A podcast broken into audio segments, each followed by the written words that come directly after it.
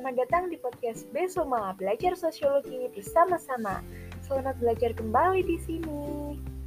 Nah, sebelum lanjut, masih pada ingat gak sama materi sebelumnya?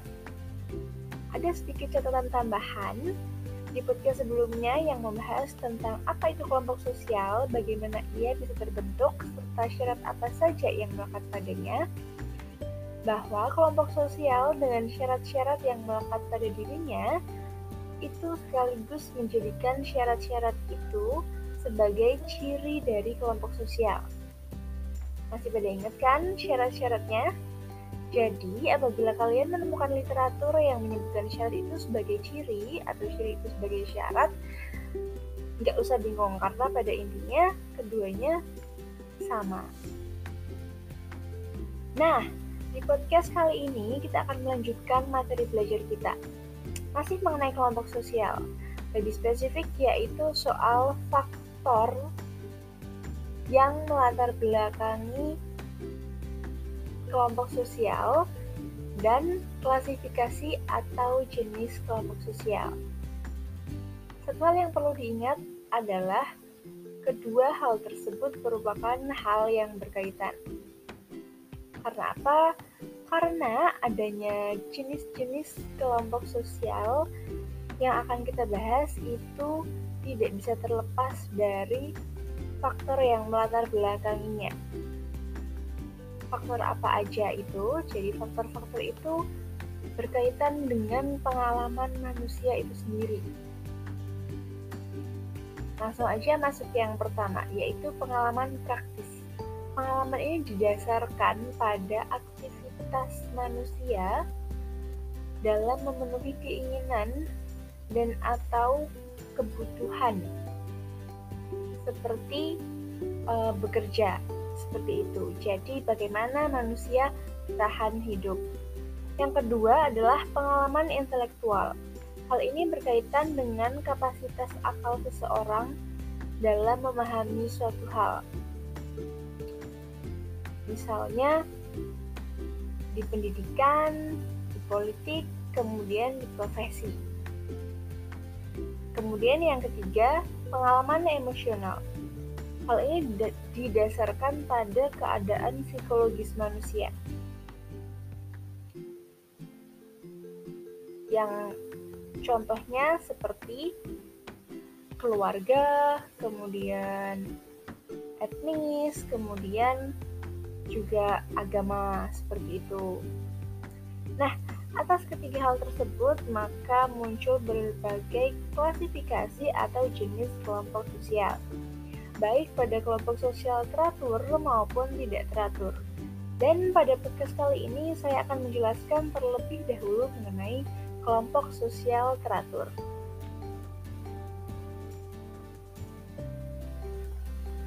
Yang akan dibahas di sini ada enam jenis kelompok sosial. Nah, walaupun cukup banyak, semoga teman-teman tidak kesulitan untuk memahami ya. Kalian bisa dengarkan ini sambil membaca PowerPoint-nya supaya lebih mudah. Oke, kita masuk yang pertama. Yang pertama ada in-group dan out-group. Ini adalah klasifikasi yang dibuat oleh Sandmer. Nah, di antara kalian ada nggak nih yang tergabung dalam suatu geng, kemudian merasa sangat bangga, solid, hingga ketika ada yang menghina atau melakukan hal yang tidak berkenan, kalian merasa nggak terima atau bahkan benci. Yang mana pihak yang dibenci adalah kelompok atau geng lain di luar kelompok atau geng kalian. Ada yang pernah begitu? Nah, dalam pandangan sosiologi, itu bisa dijelaskan melalui bentuk in-group dan out-group oleh Sandler ini. Nah, in-group adalah kelompok sosial di mana individu mengidentifikasikan dirinya sendiri, sedangkan Outgroup adalah kelompok sosial yang berada di luar kelompok in-group, yang sering kali juga dianggap sebagai lawan dari in-groupnya itu. Nah, kenapa bisa muncul fenomena seperti tadi? Karena dalam kelompok dengan anggota-anggota di dalamnya, itu terdapat interaksi yang membuahkan persahabatan, kerjasama, keteraturan, kemudian harmoni, dan sebagainya. Hal ini membuahkan perasaan solidaritas atau input feeling yang sangat kuat, sehingga meningkatkan potensi juga terhadap perasaan bahwa kelompoknya itu kelompok yang paling bagus, paling keren, dan merupakan pusat dari segala pusat. Yang dengan istilah lain kita kenal dengan sebutan uh, primordialisme atau juga etnosentrisme. Yang apabila kemudian ketika berhubungan dengan kelompok di luarnya memunculkan perasaan benci, permusuhan atau peperangan. Nah, dalam konteks geng antar siswa, masing-masing in group ini memiliki rasa solidaritas, kesetiaan, dan pengorbanan yang diwariskan dari satu generasi ke generasi selanjutnya. Seperti itu. Kemudian yang kedua, ada kelompok primer dan sekunder. Ini adalah klasifikasi yang dibuat oleh Charles Horton dan Ellsworth Ferris. Kita masuk ke yang kelompok primer. Kelompok primer adalah kelompok yang dia punya ciri-ciri anggotanya itu saling mengenal dan kerjasama dengan erat yang bersifat pribadi atau personal. Nah, Charles ini juga menerangkan bahwa kelompok primer memiliki syarat penting, yaitu yang pertama, anggota kelompok tersebut secara fisik berdekatan satu dengan lainnya. Yang kedua, kelompok tersebut kecil skalanya. Dan yang ketiga, adanya suatu kelanggengan hubungan antara anggota kelompok yang bersangkutan. Contohnya adalah seperti keluarga dan kelompok sepermainan. Sedangkan yang kedua adalah kelompok sekunder. Ini adalah kelompok uh, kebalikan dari primer. Dia skalanya besar, terdiri dari banyak orang, dan hubungannya tidak saling mengenal secara pribadi, serta bersifat tidak langgeng. Dia cenderung formal dan bersifat kelembagaan. Contohnya seperti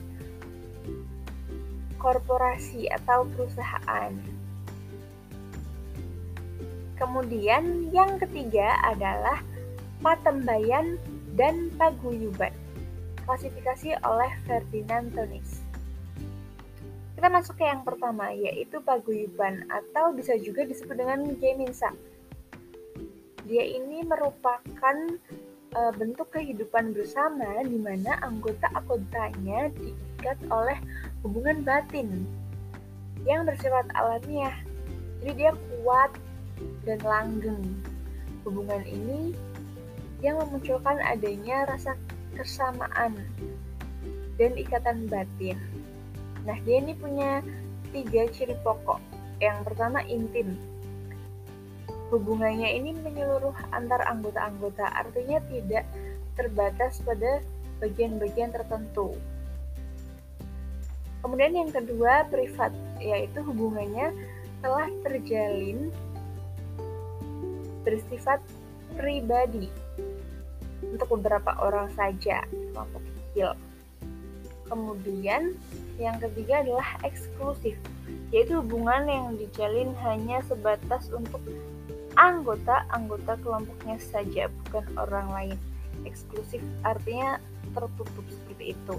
Kemudian paguyuban ini juga terbagi menjadi tiga tipe. Yang pertama, paguyuban berdasarkan ikatan darah atau Gemeinschaft by blood. Dia berkaitan dengan keturunan. Contohnya jelas keluarga, terah, dan sebagainya. Yang kedua, paguyuban berdasarkan tempat tinggal atau by place. Contohnya seperti RT, RW, dan sebagainya. Yang ketiga adalah paguyuban berdasarkan pemikiran atau by mind.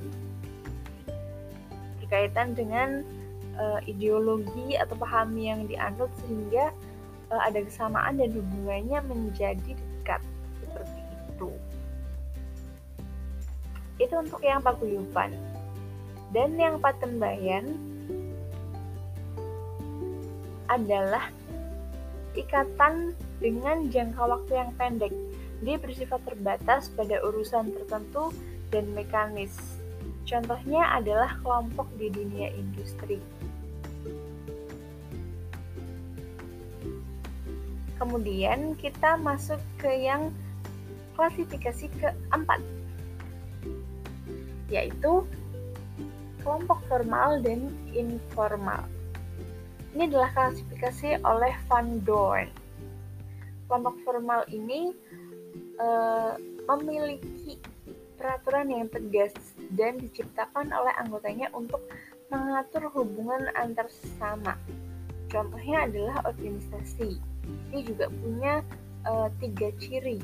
Yang pertama, terdapat pembagian kerja yang berdampak pada adanya spesialisasi kerja yang membantu meningkatkan keahlian anggotanya. Dan yang kedua, terdapat hierarki struktur wewenang. Hierarki yang dimaksud adalah adanya piramida jabatan yang menunjukkan uh, tanggung jawab. Kemudian yang ketiga, adanya peraturan yang tegas dan bersifat memaksa dengan maksud ingin mencapai tujuan organisasi. Nah, sedangkan yang informal adalah kelompok sosial yang tidak memiliki tatanan, aturan, dan atau organisasi tertentu. Jadi kelompok ini terjadi ketika uh, semakin seringnya bertemu anggota-anggotanya dan memiliki kepentingan yang sama. Contohnya adalah grup pertemanan. Kemudian kita masuk ke yang kelima, ada namanya membership dan reference group. Ini klasifikasi oleh Robert Camerton. Yang pertama, membership group, dia ini adalah kelompok sosial di mana setiap orang secara fisik menjadi anggota kelompok tersebut atau ya dia tercatat secara fisik keanggotaannya. Sedangkan reference group adalah kelompok sosial yang menjadi acuan bagi seseorang yang bukan anggota kelompok untuk membentuk pribadi dan perilakunya. Nah, gimana keterkaitannya? Jadi, dari dua pengertian tersebut, eh, bahwasanya seseorang yang bukan anggota kelompok tersebut berusaha mengidentifikasi dirinya sebagaimana ia telah menjadi anggota kelompok tersebut. Nah, contohnya uh, ada individu yang dia memiliki keinginan besar untuk menjadi misalnya uh, tergabung dalam TNI. Tetapi dia belum bisa. Dan kemudian dia selalu berperilaku bahwa seolah-olah dia telah menjadi bagian dari TNI, walaupun sebelumnya belum. Atau contoh lain mengenai anggota partai politik yang dia juga merupakan eh, tergabung dalam DPR sebagai membership grupnya. Tetapi di luar itu, jiwa dan pikirannya tetap terikat pada partai yaitu reference grupnya seperti itu. Kemudian yang keenam terakhir yaitu kelompok mekanik dan organik oleh Emil Durkheim. Nah, klasifikasi ini didasarkan pada bentuk solidaritas. Solidaritas mekanik itu berkaitan dengan kehidupan masyarakat sederhana yang mana belum mengenal pembagian kerja sehingga mengutamakan perilaku dan sikap dalam kesadaran kolektifnya. Seperti itu. Kemudian, solidaritas organik. Kebalikannya, ini adalah kehidupan masyarakat kompleks dengan pembagian kerja yang mengutamakan kesepakatan kerja yang telah terjalin. Seperti itu. Jadi yang organik ini adalah eh, klasifikasi dari masyarakat yang telah berkembang dari yang sebelumnya di mekanik. Seperti itu. Itu tadi adalah enam klasifikasi kelompok sosial teratur. Setelah mengetahui jenis-jenis kelompok sosial ini, coba kalian mengingat-ingat kelompok sosial yang ada di sekitar kalian. Masuk ke dalam jenis manakah kelompok itu? Atau juga berdasarkan pengalaman pribadi kalian. Jadi yang berkaitan berkaitan dengan diri kalian. Oke, demikian podcast kali ini. Jangan bosan-bosan mendengarkan. Terima kasih dan sampai jumpa di Besoma Belajar Sosiologi bersama-sama.